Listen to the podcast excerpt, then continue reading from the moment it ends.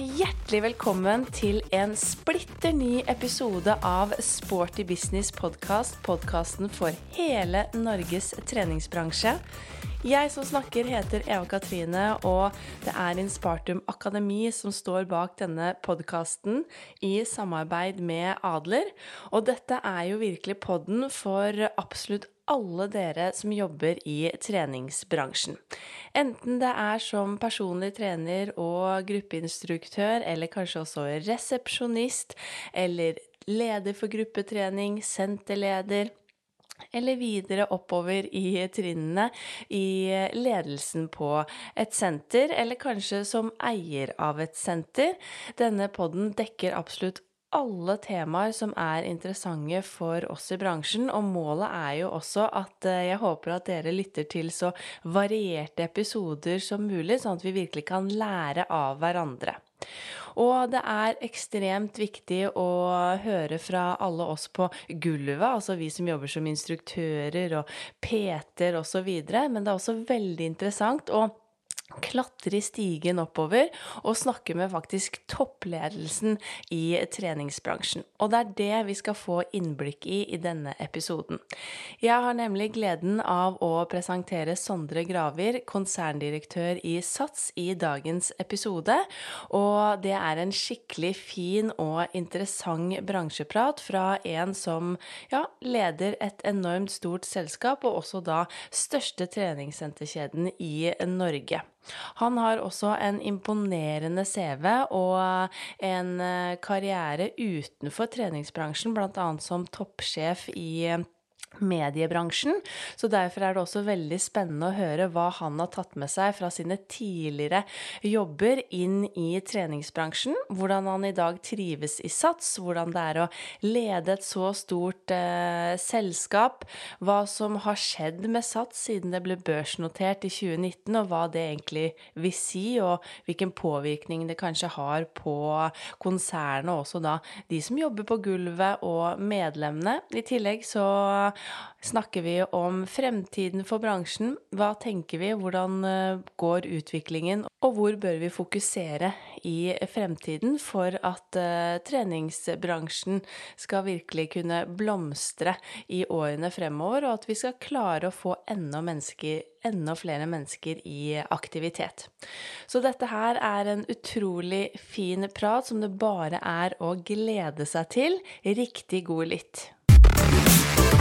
Hjertelig velkommen til Sporty business eh, eh, Sondre. Det er en stor glede å ha deg med i podden akkurat i dag. Takk for det. Hyggelig å være her. Og jeg vet jo at uh, i hvert fall eh, Morten Hellevang i EVO han blir skikkelig fornøyd nå, fordi han ønsket seg deg i Sporty Business. Ja, det var jo veldig hyggelig, da. Det er jo, uh, Morten, er, det, Morten, er, jo en god bransjemann, så det var hyggelig å høre. Ja. I tillegg til uh, helt klart veldig mange andre som også ønsker å høre deg i poden, så jeg gleder meg til denne bransjepraten her. Men så er det jo veldig hyggelig å få en liten sånn ordentlig introduksjon av dagens gjest. For selv om sikkert mange i bransjen har hørt navnet Sondre Gravir før, så er det jo ikke sikkert at alle kjenner til hvem du egentlig er. Så kan du ikke fortelle kort om deg selv? Kort om meg selv? Ja, det er ikke så veldig mye spennende å si, egentlig. Skal få lov til å bruke så lang tid du vil. Nei, det er, det er, ikke så mye spennende å si. Jeg er egentlig en uh, en helt vanlig uh, fyr fra Vear utenfor Tønsberg. Uh, når folk spør hvor jeg er fra, så pleier jeg å si Tønsberg. Hvis man er fra Tønsberg, så vet man at Vear er absolutt ikke Tønsberg. Det er bondelandet mellom uh, Tønsberg og Sandefjord. Um, og har jo starta jo Sats for fem år siden. Og hadde jo før det egentlig ingen bakgrunn i bransjen i det hele tatt. Jobbet med, jobbet med aviser og digitale markedsplasser hele livet. Så, um, så sånn sett så var det jo en, egentlig en stor overgang. Men eh, jeg var jo et lojalt medlem, da. Eh, så det var jo på en måte linken min inn. Ja, ikke sant. Så ditt eget forhold til treningsbransjen, da, hvordan eh, har det vært opp gjennom årene? Nei, Det har vært ganske tett, egentlig. Det var ikke det at jeg har trent sånn vanvittig mye, men, men eh, Sats har for meg vært en veldig Altså det har vært en ganske viktig del av livet.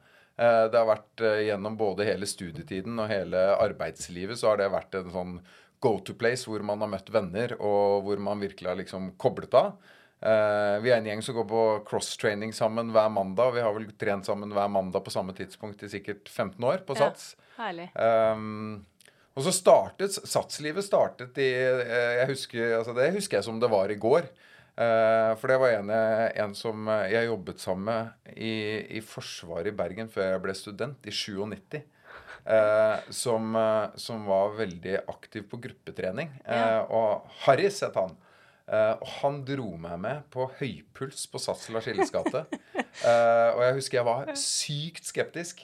Uh, men altså, det var bare helt fantastisk. Jeg ble bare helt frelst på den timen. Og det var tre instruktører på den tiden som kjørte høypuls på Lars-Illes gate. Det var Kjetil, som jeg gikk En som het Kjetil, og en som het Terje jeg gikk mest med. Ja. Og det når jeg da begynte i Sats igjen, eh, og begynte å jobbe i Sats da i 2018, eh, så, altså 20, over 20 år senere, Å se at Kjetil fortsatt kjørte eh, timer på Sats Lars Hilles gate, det, det, var en stor glede. Så høypuls og nå Cardio Energy, som det heter hos oss nå, den, eh, ja, ja. den, har vært med hele veien. Så kult. Herlig. Det gleder jo mitt gruppetreningshjerte å høre, da. At det var litt av veien inn. Men du nevnte jo innledningsvis at det var litt tilfeldig at du havnet akkurat her etter å ha jobbet eh, mange andre steder. Men uh, hvordan, hvordan havnet du her da? Nei, altså det var eh, Det var egentlig gjennom en prosess som da eierne av Sats den, den gangen altså Det var jo før Sats ble børsnotert. Mm. Så kjørte de en prosess for å finne en ny leder av Sats. Og det var jo sånn jeg på en måte ble kontaktet, eh, kontaktet inn i det. Ja. Og når jeg da fikk den henvendelsen, så passet det også veldig sånn godt uh, privat. Fordi vi hadde akkurat, eller var på vei på å flytte hjem fra Barcelona til, til Norge som familie. Um, så sånn sett så var jeg på utkikk egentlig litt sånn indirekte på utkikk etter noe å gjøre gjøre i, Norge. Så sånn sett så passet det veldig bra. Men det var egentlig altså, det var et veldig lett valg. Fordi altså, når jeg skifta liksom jeg må ha, Når jeg skulle skifte jobb, så hadde jeg tre kriterier. Og det ene var at det måtte være noe som hadde med forbrukermerkevare. Mm. Som måtte være en merkevare som jeg på en måte kunne være stolt av å fortelle om til venner og familie. For det er viktig for meg å jobbe med, et, eh, med en merkevare man kan stå inne for og være stolt av. Ja. Eh, men kanskje viktigst av alt det måtte være et produkt jeg bruker. Eh, jeg har vokst opp i en lærerfamilie hvor nyheter har vært en liksom stor del av oppveksten. Så for meg å jobbe og lede Aftenposten i sin tid, det var liksom virkelig nært hjertet mitt. For det var et produkt som jeg syns er viktig for meg ja, og samfunnet. Og sånn ble det med Sats òg. Så det var egentlig et veldig enkelt valg. For det var et produkt som, så, som jeg brukte selv, som jeg var så glad i selv, og som mm. jeg vet betyr så veldig mye for så mange andre. Mm. Men hvordan ser uh, arbeidshverdagen din ut i Sats i dag, da? Arbeidshverdagen i Sats? Nei, altså den er jo Som for veldig mange andre som uh, har egentlig privilegiet av å lede et stort selskap, så er den jo veldig variert. Mm. Uh, vi er jo til stede i fire land, så jeg er ganske mye på reise. Jeg har akkurat kommet tilbake fra et par dager i Helsinki her nå. Um, så jeg reiser en god del uh, til de andre landene. Jeg prøver å være mye ute på senter.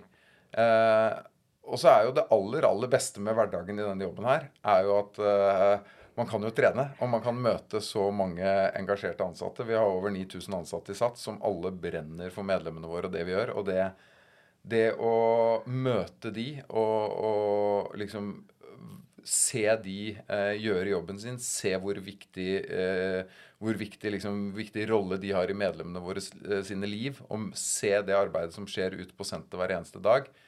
Det er kanskje det jeg prøver å bruke mest tid på mm. i jobben. Fordi eh, det er også der mange av de gode ideene, ideene kommer fra. Ja, det er akkurat det. Men hva vil du si er det aller beste med treningsbransjen, da?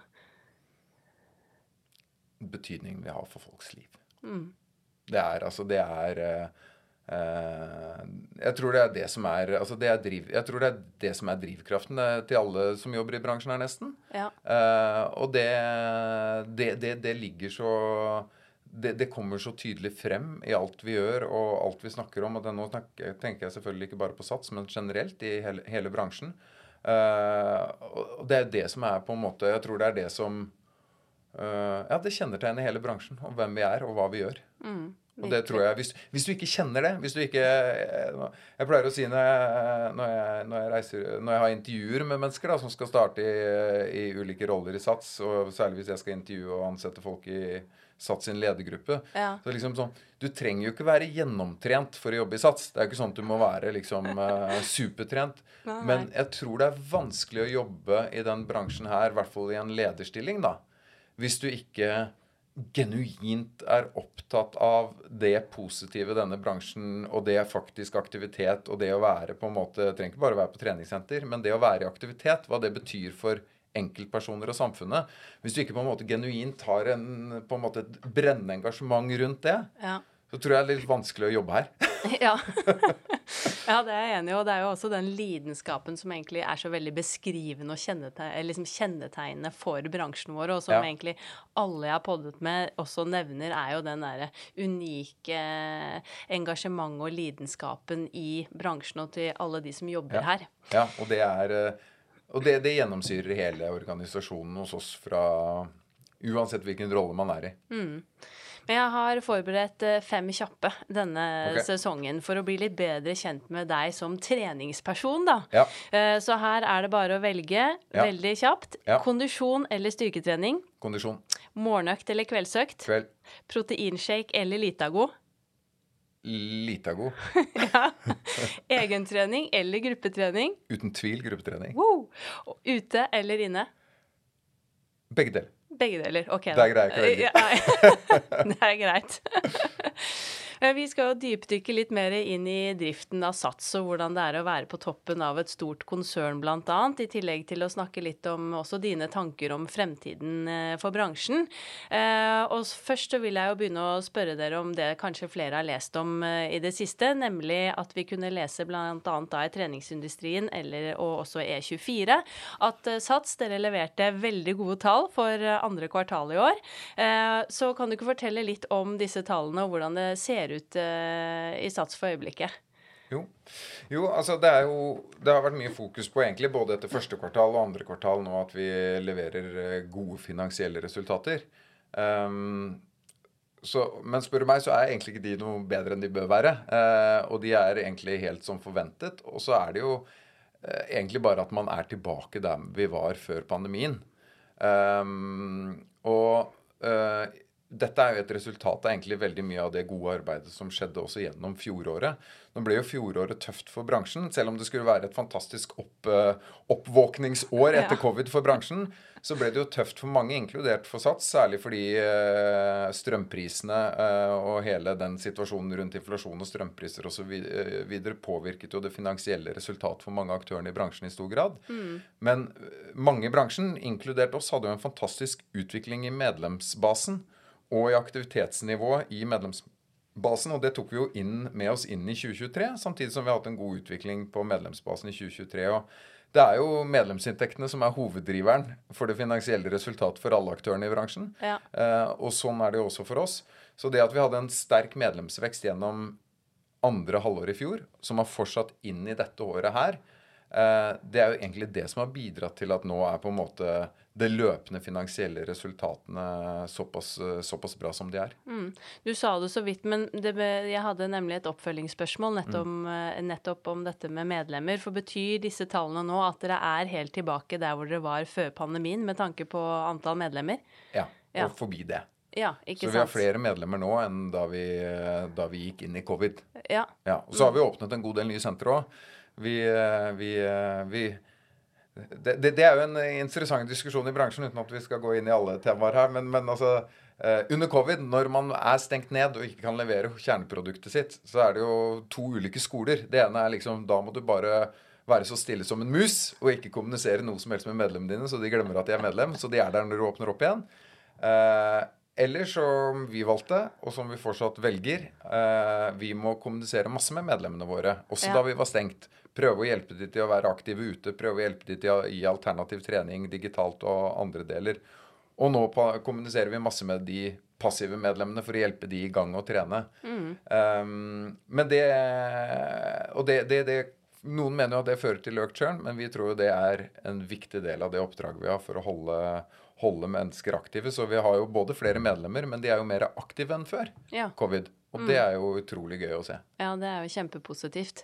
Men uh, hvilke andre grunner tror du er til disse positive tallene som dere ser nå? For det har jo vært uh, prisøkning og blitt høyere levekostnader for folk flest, så da er det jo fantastisk også å se at flere har ja. valgt å melde seg inn.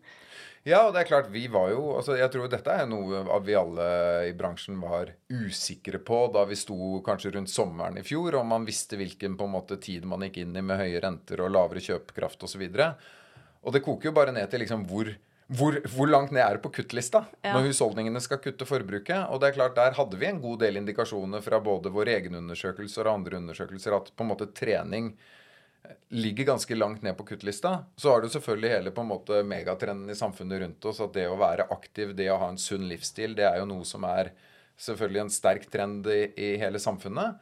Um, så vi, vi, vi, følte oss ganske trygge på at vi kom til å være et produkt som uh, både våre eksisterende, men også potensielt nye medlemmer kom til å prioritere. Ja. Men man kunne jo ikke være sikker. Nei. Men, men, jeg tror jo det som Vi ser jo dette i hele bransjen, ikke bare i Norden hvor vi er til stede, men også i, i resten av Europa og globalt, at eh, bransjen øker. Vi ser at stadig flere kommer inn. Eh, stadig flere som ikke har vært medlem, blir medlem. Eh, og så vet vi at yngre generasjoner er mer aktive enn eldre generasjoner. Altså Vi trener mer enn foreldrene våre, og barna våre er mer aktive enn oss. Mm. Eh, og det, det er jo også vaner man tar med seg etter hvert som man blir eldre. Så jeg mener jo at jeg tror på en måte hele vår bransje kommer til å vokse i, tiden, altså i, årene fremover. Både fordi det er en sterk trend i samfunnet, og fordi at yngre stadig, stadig blir mer aktive. Mm. Uh, og der har jo vi en kjempeviktig rolle å spille også når man tenker på organisert idrett osv., hvor man ser at på en måte ungdom faller fra tidligere enn før osv. Så, videre, så tror jeg jo vår bransje har en enda viktigere betydning for på en måte folkehelsa i samfunnet, også blant unge, fremover enn det vi har hatt historisk. Mm, helt klart. Vi har jo en megatrend, kalle det, i ryggen og på vei. Ja. Sånn at uh, vi har jo alle muligheter i denne bransjen, tenker jeg. Ja. Og der er, uh, apropos gruppetreningshjertet ditt, som du, uh, som jeg skjønner du har, ja. og som jeg har, der tror jeg jo faktisk det er et viktig element i å sørge for at unge mennesker kommer inn i en vane som de beholder. For vi vet jo alle at de som er aktive på gruppetrening, de som er med i klasser, de er mer aktive, de er lengre aktive, og de er uh, Ja, de forblir rett og slett medlemmer lenger. Mm. Absolutt. Men jeg tenkte jeg hadde også lyst til å spørre deg om noe om det, for vi kommer til å komme tilbake til også dette med folkehelseperspektivet og hva du ser for deg i fremtiden. Men jeg har jo lyst til å spørre deg om noe som gjør Sats litt spesielt i forhold til de fleste andre treningssentre. Og det er jo nemlig at dere ble børsnotert i 2019. Mm. Det var jo året etter at du kom inn i Sats. Mm. Uh, og hva var det som var årsaken til det, og hva vil det egentlig si uh, å være børsnotert? Nei, altså det betyr jo, for å være helt ærlig, så betyr det vel egentlig ikke så veldig mye. Sånn for uh, Og det skal det jo heller ikke gjøre. Uh, for, uh, for, medlemmene våre og for de ansatte og for produktet vårt og vår, det vi leverer til medlemmene hver eneste dag. Men, men, det er klart Hvorfor vi ble børsnotert, det er jo på en måte en eierbeslutning. Vi hadde et privat eierskap som, som ønsket å redusere eierskapet sitt noe, samtidig som de er med nå som også våre største eiere i en børsnotert setting. Eh, fordelen med å være børsnotert er jo selvfølgelig at man har tilgang til et kapitalmarked eh, som gjør at man kan eventuelt hente penger hvis man ønsker å øh, enten vokse fortere enn man har kanskje penger til over egen drift osv. Eh, noe vi har benyttet oss av eh, også. Um, så det er jo mange fordeler ved å være børsnotert. Så er det jo klart det er litt ekstra jobb, da. For yeah. uh, særlig oss som uh, leder selskapet. Uh, og det er mye formaliakrav som må opprettholdes osv. Uh, og så må du jo fortelle litt mer om virksomheten din til det offentlige rom da, hvert kvartal enn ja. det alle andre som ikke er børsnotert, må. Så har, det er alltid gøy å møte ledere i konkurrenter, om det er i Norge eller kanskje også i utlandet, da, som uh, som uh, de, de, kjenner jo tallene våre ganske godt dagen etter vi har rapportert. Ja, uh, men det er, det er, sånn det er, og det lever, vi, det lever, vi, godt med. Ja, Men hvordan er det å drifte et børsnotert uh, selskap, da? Jeg tror For å være helt ærlig så er ikke det veldig ulikt fra om å drifte et ikke-børsnotert selskap. Det er Nei. klart Man må bruke noe tid på det. Men jeg tror de valgene Og der er vi heldige. Vi har eiere og et styre som er langsiktig. Så de valgene vi tar eh, som selskap, de er preget av hva som er til det beste for Sats på lang sikt, og hva som er til det beste for medlemmene våre på lang sikt. Eh, og ikke på en måte kortsiktig optimering fra kvartal til kvartal. Mm. Eh, og det er jo viktig, for hvis du er i en sånn setting så, hvor, hvor, du på en måte bare tenker veldig kortsiktig, så blir det krevende. Ja. Mm. Men hvordan har denne børsnoteringen hatt betydning for ansatte eller medlemmer eller driften? For ansatte og for medlemmer så tror jeg ikke den har hatt så veldig mye å si sånn i det egentlig i det daglige. Eller det har den ikke. Nei. Det er klart det er jo en sikkerhet. Det er jo en uh, sikkerhet som gjør at man som selskap er uh, Som sagt, altså er, man har tilgang til et kapitalmarked som gjør at man på en måte har en veldig langsiktighet i det å overleve som selskap, f.eks. Mm. Uh, men jeg tror ikke altså jeg tror egentlig ikke det har så veldig mye å si for det tilbudet vi utvikler, og det tilbudet vi leverer hver eneste dag til medlemmene våre. For det viktigste er at man tar fortsatt de riktige beslutningene på hva som er viktig for medlemmene og selskapet på lang sikt. Mm. Ja, for jeg satt og tenkte på dette, skjønner du, når jeg også øh, forberedte denne podkastinnspillingen. Mm. Og så tenkte jeg at jeg må jo spørre om dette. Og nå er det jo ingen som ser meg av lytterne, men jeg skal prøve å spørre om dette med så mye glimt i øyet som mulig. For jeg lurte jo litt på da, etter at Sats gikk på børs, ja. eh, om hva er målet til Sats? Er det fortsatt å levere de gode treningsopplevelsene, eller er det å gjøre investorene fornøyde? Nei, det er begge deler. Uh, det, men det er ikke noe forskjellig om man er på børs og ikke børs. Altså, det er jo lenge siden siden denne bransjen bare var drevet av og eid av idealister. Ja. Altså Denne bransjen er eid og drevet som alle andre bransjer og selskap. Så er det jo eh, eiere som også må ha en avkastning på den kapitalen de har investert. Sånn er det i alle selskap. Sånn er det jo i alle de store treningsaktørene. Eh, sånn at det er ikke noe nytt. Sånn er det i Norge, sånn er det i Norden, sånn er det i Europa.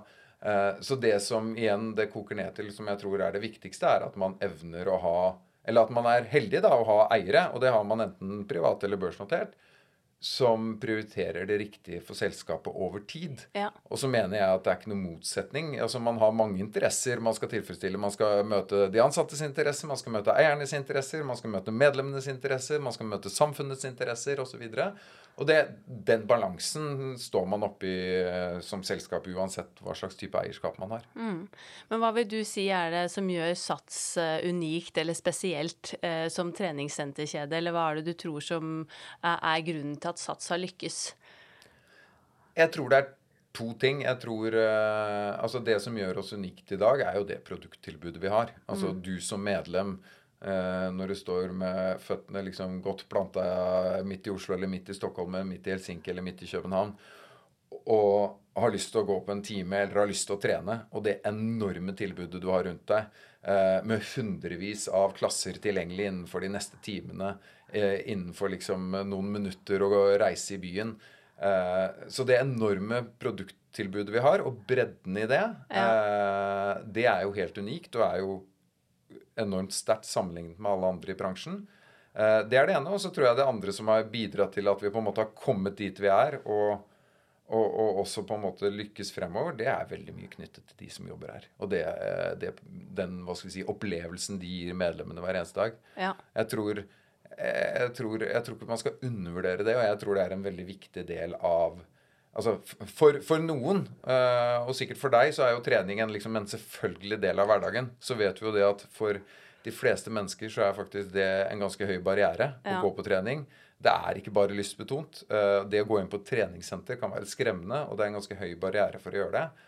Uh, og det at vi har da ansatte som er så dyktige som de er, og som er så imøtekommende som de er, og som gjør at medlemmene våre føler seg trygge, godt ivaretatt og motiverte, det tror jeg også er veldig viktig. Mm. Helt klart. Eh, sats etter at det ble holdt på å si Sats, det var jo eh, Sats Elixia, og så ble det etter hvert Sats, så har jo mye blitt eh, prekoreografert på gruppetreningssiden. Altså det er de samme konseptene du møter. Eh, hele den visuelle layouten er jo lik. Eh, man møter på en måte også veldig likt interiørdesign når du kommer inn på et senter. En følelse av at du vet hva du får når du går inn på Sats. Ja. Eh, men hva er visjonen til Sats? Eh, er det å være unik, eller er det en tanke om å på en måte være treningssenterbransjen sitt svar på McDonald's, at det skal være helt likt? Det skal være veldig likt. Mm. Eh, fordi eh, det er en del av det å drive et stort konsept. Eh, og det er også en del av det for medlemmene å vite hvilken kvalitet man skal få uansett hvilken satssenter man besøker. Og så er det store lokale forskjeller. Vi vet at det er store forskjeller mellom sentrene. Det er store forskjeller mellom medlemstypen og demografien osv. Så, videre. så det er selvfølgelig store ulikheter fra senter til senter. Men sånn som du er inne på den visuelle profilen, hva vi står for som merkevare, verdiene som vi på en måte gjennom våre ansatte skal levere hver eneste dag, det, det skal være likt. Og så er jo eh, visjonen vår er jo ikke at det skal være likt. Visjonen til Sats er veldig enkel og veldig tydelig, og den har vært lik i flere år. Den kommer til å være lik tror jeg, i mange år fremover. Eller i hvert fall så lenge jeg får uh, Lenge vi, på en måte vi er den gjengen som vi er nå. Vi er veldig opptatt av visjonen vår. Det er å gjøre folk sunnere og gladere. Make people healthier and happier. Mm. Og den er på engelsk, ikke fordi er, vi syns det er så kult med engelsk, men med både svensker, dansker, nordmenn og ikke minst finner, ja. i, så må vi ha engelsk som språk. Så Det er derfor vi kommuniserer mye på engelsk.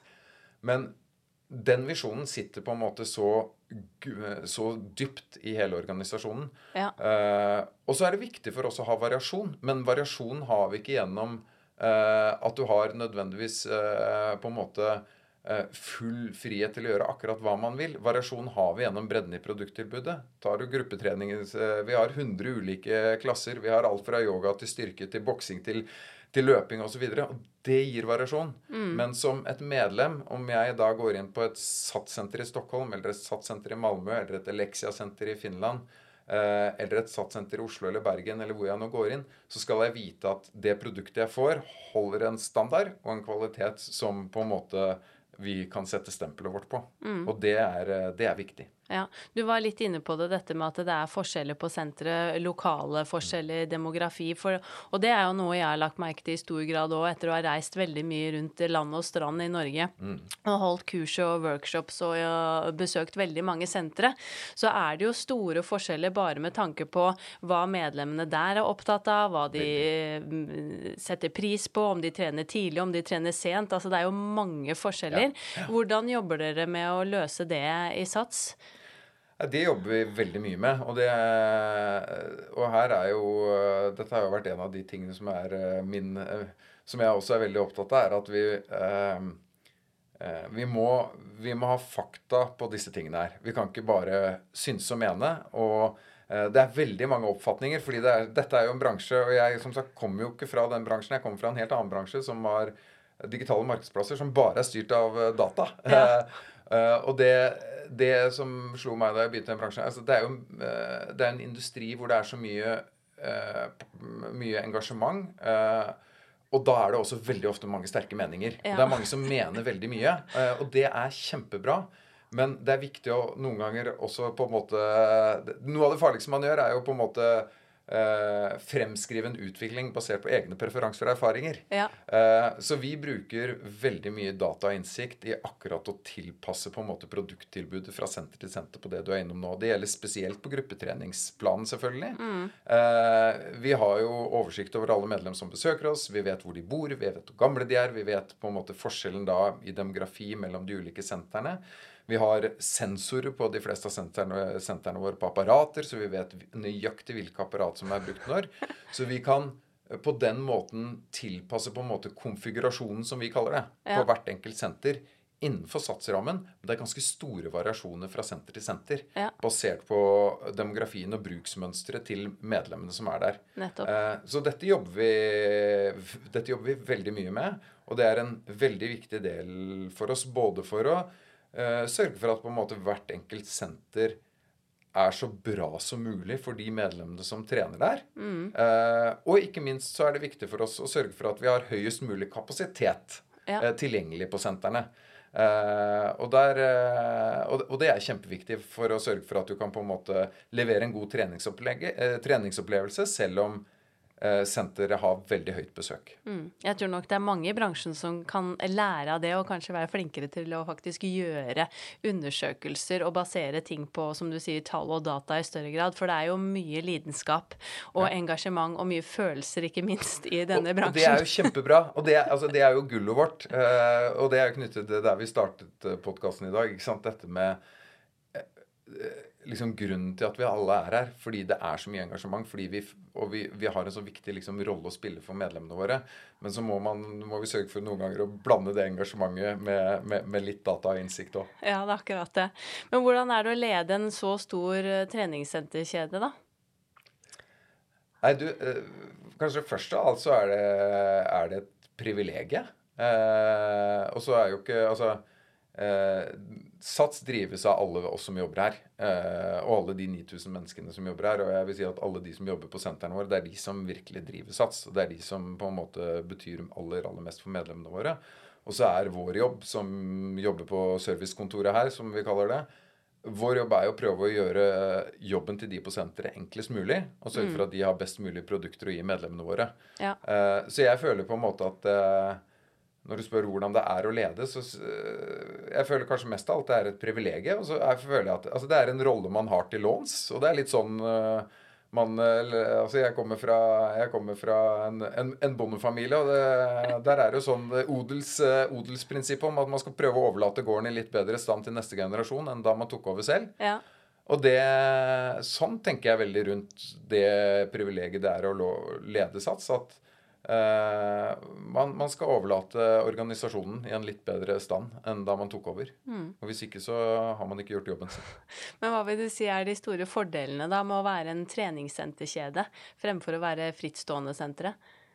Det er klart at Fordelen med å være en kjedekonstellasjon som vi er, er jo at veldig mange av de uh, Selv om på en måte treningsopplevelsen leveres på hvert enkelt treningssenter av hvert enkelt ansatt til hvert enkelt medlem, så er jo veldig mye av det som skal til for å levere en god treningsopplevelse, eh, det er jo knyttet store skalafordeler til. Mm. Så f.eks. alt det som vi akkurat snakket om rundt det vi gjør på teknologisiden og på datasiden, eh, alt man, vi gjør på produktsiden, eh, hvordan vi jobber med utvikling av gruppetreningskonseptene våre.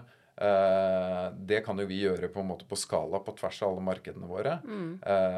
Appen vår har nesten 400 000 brukere daglig. Vi har én app i alle markeder for alle sentrene osv. Så, videre. så det er veldig mange av de eh, på en måte byggestenene man må ha på plass i å drifte en, en senterorganisasjon ja. som, som, man har ganske stor skala på.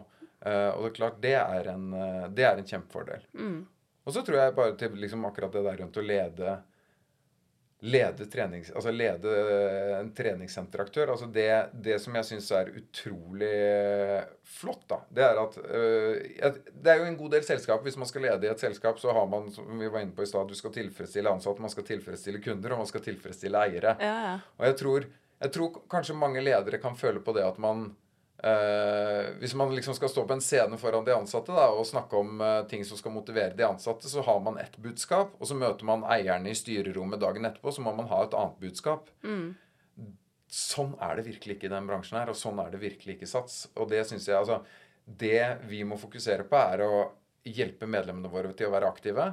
Hjelpe de til å lykkes med treningen. Og hvis vi gjør det, så kommer de finansielle resultatene. Så det er liksom ikke en, det er ikke en motsetning mellom, kall det de økonomiske målene og visjonen om å gjøre folk sunnere og gladere, de Nei, to tingene går virkelig hånd i hånd. Mm. Uh, og det, det, det, er utrolig godt å føle på. At man på en måte ikke må ha en sånn der tos, tosidighet i det man jobber for. Ja. Men er det noen ulemper, da?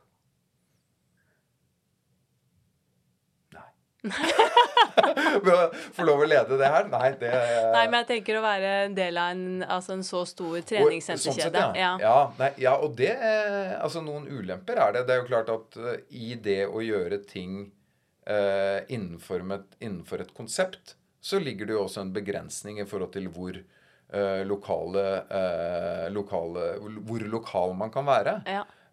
og det er klart at det, det vi må sørge for, er jo altså og det kan være, ikke sant, Du kan ha fantastiske ansatte på et senter som har uh, utrolig mange gode ideer på, på en måte initiativ og ting man kan gjøre. Så er det ikke alltid man kan gjøre alt det eh, som man kanskje kunne gjort om man var et selvstendig treningssenter. fordi det vi de tingene vi gjør, skal kunne på en måte skaleres og skal kunne gjøres på tvers av veldig mange sentre. Mm. Og litt sånn uavhengig av person.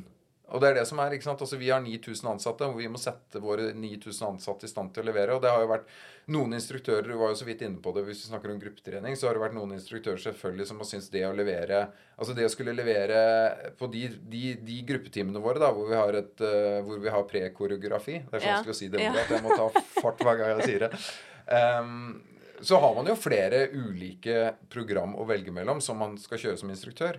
Men også grunnen til at vi gjorde det, var jo rett og slett vi så at den, det gruppetreningstilbudet og det konseptet som en god del medlemmer fikk, ikke, var for, det var for stor variasjon. Det var ja. for langt unna det konseptet du skulle få på en cardio energy-time. da. Ja, ja. Uh, og da, da valgte vi å ta det steget. Eh, for at eh, spesielt da mange instruktører, og det var mange som ønsket det også, eh, kunne liksom levere et godt pro program og en god treningsopplevelse som var i på en måte i henhold til det konseptet og produktet. Og så har vi jo begynt å slippe litt mer opp for at hva skal vi si, de som har eh, en god del timer, og flere timer enn før, er helt frie, hvor man selv kan lage programmet. Og det er klart at de instruktørene som har eh, Nå har vi akkurat introdusert et nytt kurs Uh, for, som vi kaller GXI Uplift. Altså, ja. Som er et uh, videre, videregående kurs for dyktige instruktører. Og de som har tatt det kurset, de kan kjøre frie timer på alle konseptene. Som et eksempel. Så det er på en måte ja. Man må jo ha fleksibiliteten også. Mm. Og det er kanskje det vanskeligste ved å være en stor kjede. Du skal finne på en måte det som gjør at du kan drifte det i et kjedekonsept. Som en dagligvarekjede, som en kleskjede, som andre kjeder. Samtidig som du skal ivareta den derre lokale kreativiteten og passion. Eh, ja, for det er jo nettopp det å ta vare på den lidenskapen. For det er jo sånn jeg personlig også kjente på, bl.a. når det var da Elixia og Sats, og jeg jobbet i Elixia, hvor vi kunne være kreative og lage alle timer selv. Og så ja. kom sammenslåingen, og så ble det stadig allerede da, helt i starten av sammenslåingen, litt og litt mer prekoreografert, hvor jeg ja. følte at det strupet min kreativitet og glede. Mens for andre så er det kilden til nettopp å kunne levere en fantastisk uh, time som instruktør. Det er nettopp det. Så, så, så det, det, det, er klart, og det er litt sånn som vi var innom den tosidigheten, at det er, altså, det er noen store fordeler, og så er det Altså, jeg vil egentlig ikke kalle det ulemper. Det Nei. er noen konsekvenser av det å være en kjede. Ja. Uh, men jeg mener at på en måte fordelene er så enormt mye større. Altså, vi leverer 40 millioner treningsopplevelser hvert år. Det er det er bare helt unikt. Og det mm. kan du ikke gjøre uten å ha satt det i et system. Nei, helt klart. Men hvordan tenker du, eller hva tenker du rundt prissettingen i, i bransjen i dag, da? Syns du den er der den skal være? Syns du den er uh, uheldig, for lav? Nei, altså det, det, som er bra, da altså no, uh, Egentlig hele Norden så er jo treningen ganske billig. Mm. Uh, hvis du sammenligner med Europa. Uh, og det er flere grunner til det. og Sammenlignet med liksom den kjøpekraften den nordiske befolkningen har, så er treningssenterab et treningssenterabonnement billig. Mm. Uh, I absolutte kroner. Ja. Uh, og det er jo noe som er veldig bra med det, er jo at det fører jo til at en større andel av befolkningen enn i resten av Europa er medlem av en treningssenter.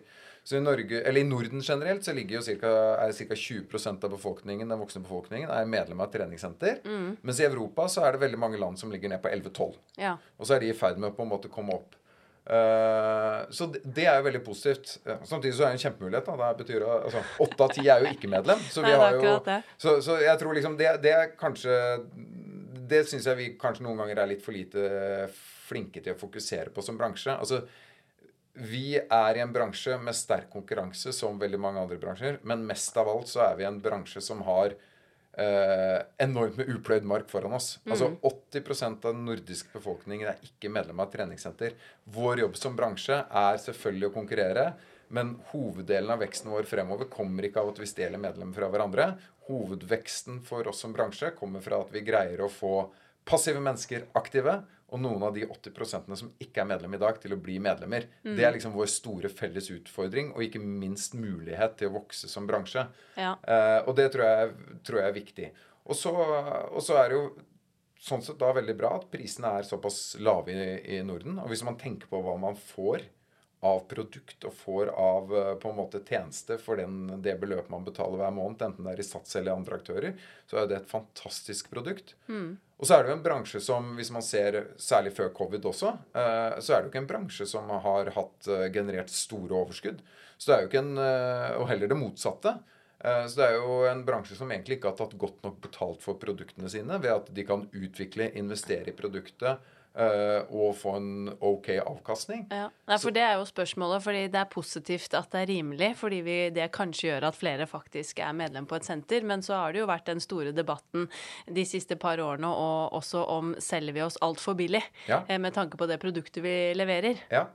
Så, øh, og men skal man være litt sånn I en åpen podkast som dette, så tror jeg jeg skal være litt forsiktig på en måte å gi noen sånn prisingssignaler. ikke sant? Så jeg tror, eh, jeg, Men jeg tror det viktigste liksom refleksjonen min rundt dette er at eh, vår store mulighet som bransje er å få 80% av befolkningen som ikke er medlem i dag, til å bli medlemmer over tid. Altså får vi ikke alle 80% Det hadde vært fantastisk. Det får vi ikke til.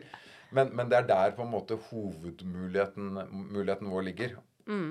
Men jeg leste jo også i E24 nå nylig at uh, Sats vil fortsette å utvikle prisene. Er det Nå, si at Nå ble det jo veldig mye, morsom, mye morsomheter, på, og, og det tåler jeg veldig bra. Det syns jeg bare er kjempegøy. Morsomheter rundt den, på min bekostning rundt dette med å utvikle priser. Ja, jeg det, jeg, det, det var ikke det jeg sa. Vi har økt prisene. Ja, for jeg lurte på om det var en omskrivning av at Ja. dere ville fortsette å Nei, øke har- det ytterligere. Vi har aldri prøvd å legge skjul på det. Altså, det er klart, Vi har en tredjedel av våre kostnader, og det er ganske likt i hele bransjen hvis du har bemannede sentre. da. Så en tredjedel av kostnadene er husleie, en tredjedel er personalkostnader, og en tredjedel er lisenser og andre kostnader. Eh, husleia øker med inflasjon i samfunnet, og den har vært opp under 10 nå. Uh, og den, det er økningen i husleie for alle aktørene. Uh, lønnskostnadene øker, selvfølgelig, som det skal gjøre når det blir dyrere, andre ting blir dyrere i samfunnet. Og lisenskostnader har økt med for mange, for mange lisenser og andre ting, så har det økt med mer enn inflasjonen. Og da må vi også øke prisene. Ja. Eh, og det kommer vi til å gjøre fremover også, for å reflektere på en måte de kostnadsøkningene vi ser rundt oss. Og det, er, eh, det, er, eh, det mener jeg er helt nødvendig, og det er helt nødvendig eh, i hvert fall for oss som aktør, for å ha også et fornuftig finansielt resultat fremover. Ja. Men hva er eh, målene til Sats i fremtiden, da? Litt sånn de store linjene eh, fremover? Eller har dere noen liksom, store satsingsområder eller noe spennende ting rett rundt hjørnet? Ja, altså, det er jo ganske store forandringer hvis man ser både i bransjen, men også for Sats. Men hvis man ser liksom i befolkningen på treningsvaner over tid. Det er jo ganske store forandringer. Og jeg tror, eh, jeg tror det er utrolig viktig at man eh, hele tiden tilpasser produktet for å speile de liksom, behovene som er hos brukerne der ute i befolkningen. Hva ønsker folk å trene? Hva ser vi fungerer? Hvilke produkter ser vi greier å engasjere? Eventuelt nye målgrupper. Ref at det er så mange som ikke er medlem av et treningssenter. Eh, særlig unge, som vi ser nå, eh, er jo en viktig på en måte, gruppe som vokser fremover osv. Så, videre. så Så målet vårt er jo å gjøre å få enda flere til å trene, og enda flere til å trene enda mer. Eh, og trene riktig og på en god måte. Og det er klart at da uh, tror jeg den største faren faren man kan stå uh, på en måte, eller største feilen man kan gjøre, er å være for statisk og ikke utvikle tilbudet. Og vi gjør jo store investeringer. altså Vi investerer rundt eh, 250-300 millioner kroner årlig i produktutviklingen vår, i sentrene våre, i å for, forbedre sentrene, forbedre produktene. Eh, og det kommer vi til å gjøre i årene fremover også, for jeg tror eh, det kommer til å Det er ganske store endringer, som sagt, i liksom treningspreferansene, og det må man levere på. Eh, og så må vi være flinke til å se hva som skjer der ute, følge med, uh, og det gjør vi jo. Og så er jo vi opptatt av at liksom, hvis du har på en måte store nye trender som får bredt fotfeste Du har jo mange små nisjer som ikke vi nødvendigvis skal levere på på alle sammen. Men på liksom store trender og endringer som får bredt fotfeste, så skal vi eh, ha det som en sentral del av produktporteføljen vår. Og det er jo altså Det er jo mange eksempler på det. altså Ta yoga. altså Det er jo ikke veldig mange år siden yoga var eh, et, et nisjeprodukt som du fant på noen få yogasentre, og som var ganske få mennesker som fikk gleden av å oppleve. Eh, nå er yoga et av de største produktene til Sats. Eh, vi har hundrevis av yogaklasser på timeplanen hver eneste dag og uke på tvers i porteføljen vår. Og enormt mange mennesker får gleden av å oppleve yoga i forhold til hva situasjonen var for noen år siden. Og det er jo altså det er bare enormt positivt. Og så kommer det til å være nye trender hele tiden, og der må vi være langt fremme og levere på de trendene. Men hva tror du skal til da for at vi skal klare å få alle disse menneskene som ikke trener i dag, inn på sentrene? Tror du at det er fleksibiliteten i da bare tilbudet, eventuelle trender, eller tror du at eh, bransjen må tenke helt nytt også med tanke på hvordan vi utformer sentre, hvordan de ligger, altså hvordan de ser ut? En kombinasjon av alt. Ja. Jo, men det er en, altså, dette her er en kombinasjon av både hvordan vi kommuniserer, ikke bare hva vi faktisk leverer. ikke sant? Det er jo en kombinasjon av hvordan vi kommuniserer. Det er jo ikke veldig mange år siden den bransjen her bare kommuniserte ekstremt vellykkede mennesker. Eh, og, og det er liksom ikke så veldig stor del av befolkningen som kjenner seg igjen i det. Eh, og jeg tror eh, Altså eh, Den terskelen det er for mange å komme på treningssenter, den må vi ikke undervurdere. Og, og, og derfor tror jeg det er uh, viktig for oss å ha hele bredden. Og liksom, der, der har vi også en mulighet som en stor aktør til å gå foran. Fordi uh, du skal jo også levere et produkt for de veldig treningsinteresserte. Eh, og de som er glad i å trene fem ganger i uka, for dem hvor viktig det er å besøke liksom være ofte på masse forskjellige timer eller masse egentrening osv. Du skal levere et produkt for de. Skal du levere et produkt for de som nesten aldri har trent før, og som er kjempestolte av at de greier å komme en gang i uken. Eller en gang annenhver uke. Og det er kjempebra. Uh, Så jeg tror det er knyttet til både produktutvikling, hvordan vi utformer sentrene, uh, hvordan vi kommuniserer, og og ha på en måte hele den bredden i tilbudet som gjør at du kan tilfredsstille de ulike målgruppene.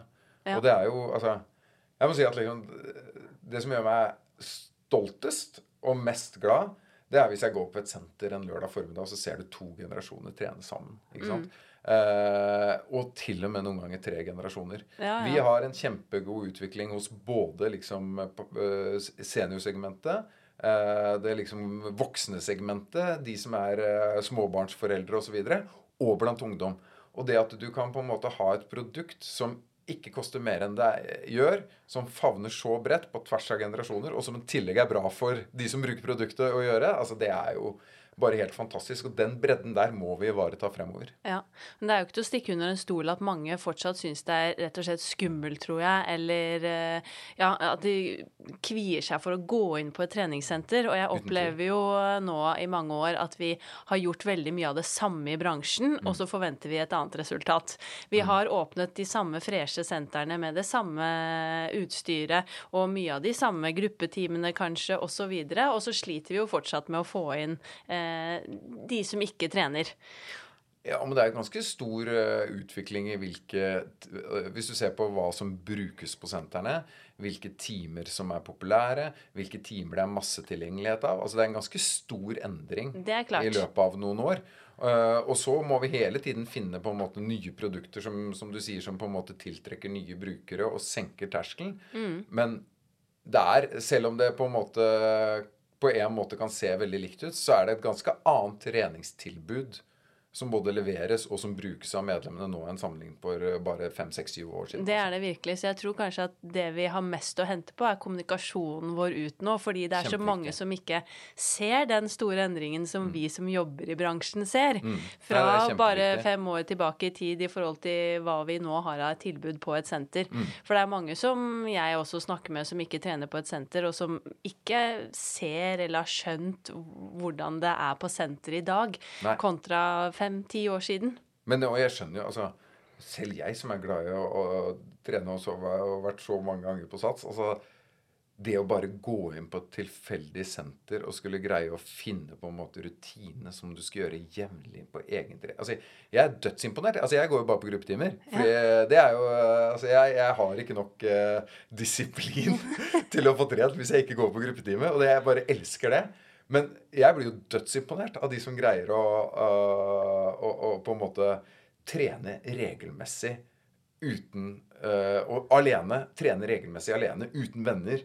Eh, ikke en gruppetimesetting, men bare på, liksom på, på, trenings, på et treningssenter. Jeg, jeg blir dødsimponert. Jeg. Ja. Og det er ikke så mange av de. Nei, det Det er 20% av befolkningen er medlem, og vi vet jo mange av de som virkelig på en måte lykkes og trener over tid. Så det er en liten andel som faktisk greier det, og som har den egendisiplinen. Og det må vi ikke, må vi ikke glemme. Nei. Men hvis du ser bransjen under ett, da, ikke bare Sats, men hele treningsbransjen, hvor vil du si at uh, vi har mest utviklingspotensial, eller hvor ligger utfordringene, tenker du, for hele bransjen med å lykkes enda bedre i fremtiden, også med tanke på din bakgrunn fra helt andre bransjer, og også økonomibakgrunn og utdanning, eh, og ikke bare liksom den treningsfaglige gløden?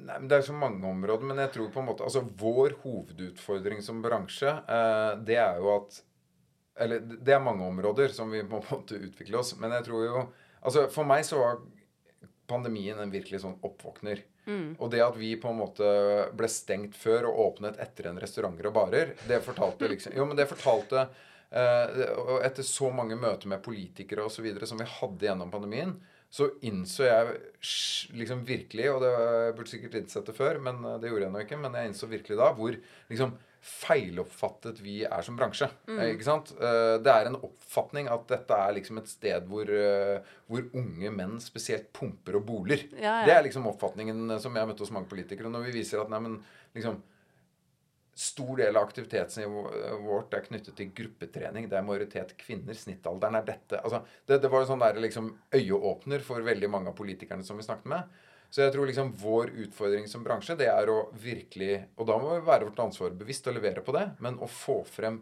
hvor viktig vi er for aktiviteten Uh, liksom det generelle aktivitetsnivået i samfunnet. Mm. Og så er det jo, Vi snakket jo om det i stad, at det er jo en trend rundt aktivitet og helse. Men sannheten er jo faktisk at færre er aktive nå enn før pandemien. Altså inaktivitet og utfordringene i folkehelsa knyttet til inaktivitet er jo mye større nå enn før pandemien. Mm.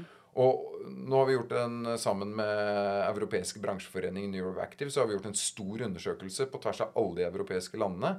Og det er faktisk flere som sier at de trener mindre, mindre aktive nå enn før pandemien, enn de som sier at de er mer aktive. Mm. Så det som har skjedd, var jo at før pandemien så hadde du på en måte du kunne dele befolkningen i tre. De som trente mye. De som ikke trente i det hele tatt, bare lå på sofaen. Og så de som var litt sånn midt imellom. Mm. Og det som har skjedd etter pandemien, er at de som trente mye før pandemien, de trener bare enda mye mer enn før. Ja. Så de som trente tre ganger i uken, trener nå fem ganger i uken. Både hos oss og andre steder.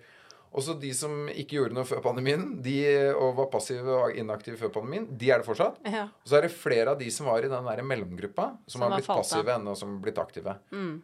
Og det, eh, det, er en, det, er en, kjempeutfordring eh, for samfunnet, og det er, der tror jeg vi på en måte har en stor rolle å spille. Og og så kan du si ja, hva skal vi gjøre med det? da? Jo, da må vi kommunisere annerledes. Vi må senke terskelen. Vi må øh, være opptatt Altså Det er ikke så nøye om de kommer inn på et treningssenter. De må gjerne være aktive ute, være aktive hjemme osv. osv. Men øh, det, det, er på en måte innen aktiviteten i samfunnet som er vår utfordring. Mm. Uh, ikke konkurransen oss mellom som aktører. Nei, nei, det er viktig, for det er jo ofte det vi i stor grad har fokusert på, som du nevnte også innledningsvis, dette her med å konkurrere om de samme medlemmene. Ja. Og det er jo ikke der egentlig fokuset vårt bør, bør ligge. Absolutt ikke.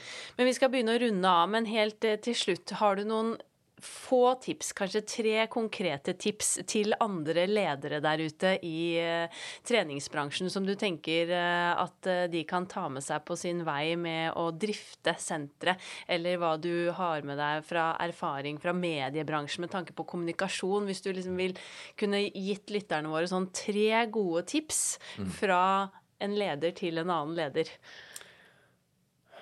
Jeg skal være forsiktig med å gi, liksom, si at det er gode tips, men uh, noen, uh, noen, ting som i hvert fall jeg er opptatt av, da. Det er, altså, ta, Løft frem tre ting som jeg er på en måte ekstremt opptatt av, opptatt av her i Sats, og som jeg tror er relevant for alle, uansett om man er stor eller liten aktør. Uh, altså, Verdien skapes på senteret av våre ansatte og det de gjør for medlemmene hver eneste dag. Mm. Og liksom det verdisettet som ligger i bånn for det, og den på en måte det engasjementet og den passion som ligger til grunn der, den, altså, den er enorm i vår bransje, men vi skal ikke ta den for gitt. Og det er liksom eh, Det er utrolig viktig å huske på hvor liksom eh, verdien og liksom det magiske skapes. De mm. magiske øyeblikkene skapes på senter med medlemmene hver eneste dag, hver eneste time. Og det må man aldri glemme. Og det er viktig at liksom når man som stor aktør og vi sitter på et kontor her, langt unna liksom, treningssenteret der det skjer. Det må man ikke glemme.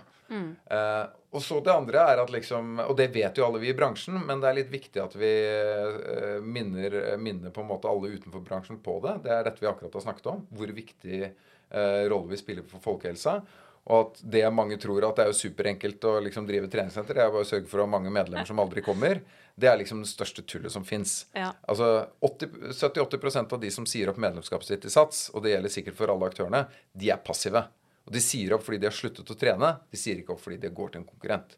Og der har vi en kjempestor utfordring i fellesskap. Og noe av det viktigste vi må fokusere på som leder i bransjen her nå, det er å hjelpe medlemmene våre til å være mer aktive.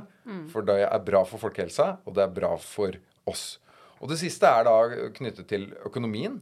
Eh, og uh, Tinius Nagel Eriksen, som var, uh, var en av på en måte grunnleggerne i Skipsted, hvor jeg jobbet før, og som, uh, som grunnla bl.a. Aftenposten, han sa at en avis som ikke kan betale regningene sine, kan aldri være en fri og uavhengig redaksjon. Eh, og det er også litt viktig. altså vi eh, Du må på en måte Vi er en bransje som betyr så mye for folk, og vårt ansvar da som aktør i bransjen her er å drifte på en god måte, en trygg måte, en måte som er bra for samfunnet og bra for medlemmene våre. Og så må vi da ha økonomi til å, å tjene penger, så vi kan investere i sentrene våre, investere i produktutvikling, fysisk og digitalt, så vi hele tiden kan være relevante og ha et godt produkttilbud som gjør at vi kan få de 80% som er passive, til å bli aktive. Men for å gjøre det så må man tjene penger. Fordi Ja. man må investere, man må utvikle. Eh, og, og noe av det forferdeligste som fins, det er jo å se på en måte treningssentre som bare forfaller fordi man ikke har økonomi til å investere i produktutviklingen. Veldig gode ord. Eh, vi skal runde av, men jeg må jo spørre deg også. Hvem kunne du tenke deg å høre i Sporty Business? Du, eh, da har jeg lyst til å si eh, et medlem som aldri har kommet i gang. Ja, veldig godt tips. Mm. Og få, ikke bare høre fra oss som jobber i bransjen på hvor høy denne barrieren er, men høre det fra faktisk de som syns barrieren er høy, på hva de syns vi bør gjøre annerledes. Kjempegodt tips. Det skal jeg ta med meg videre. Tusen hjertelig takk for at eh, du tok deg tid og har eh, delt så mange fine erfaringer fra bransjen med lytterne våre. Det er det mange som kommer til å sette stor pris på, så tusen hjertelig, hjertelig takk. Takk for at jeg fikk lov å bli med. Tusen takk for at du lyttet til nok en episode av eh, Sporty Business. Håper at dette ga litt eh, inspirasjon inn i høsten vi har foran oss. For høsten det er jo virkelig høysesong for oss i treningsbransjen. Både med tanke på å få medlemmene aktive igjen og treningssentrene våre fylles opp igjen etter eh, sommeren, men også fordi det skjer veldig mye spennende i bransjen. Det er masse kurs, events, ting å delta på. Og nå først ut så er det jo NIH-konvensjon 14.10 på Norges idrettshøgskole. Så der håper jeg at eh, vi sees. Det er fortsatt eh, mulig å melde seg på. Og så i november så arrangerer jo vi i Inspartum Inspartum Boost Convention på Atletica Domus i eh, Oslo. Der har vi også nå sluppet full timeplan med en rekke spennende presentører og foredragsholdere. Så da håper jeg også kanskje at du har lyst til å ta turen innom Inspartum Boost. Det blir en fantastisk treningsfest hvor vi også skal feire at Inspartum fyller fem år i år. Så du finner all informasjon om dagen og også da timer, timebeskrivelser og presentører på inspartum.no. Så ønsker jeg deg egentlig bare en sporty, strålende og herlig dag. Og så poddes vi igjen om nøyaktig to uker, og da kan du bare glede deg til en ekstremt spennende og viktig episode for oss i bransjen. Det er en gjest som jeg har jobbet litt med å få med, men som jeg er veldig glad for at endelig gikk i boks. Så jeg skal ikke røpe noe mer enn det akkurat nå, annet enn at stay tuned, og så poddes vi igjen om nøyaktig to uker. Denne podkasten produseres av Inspartum Akademi og Adler.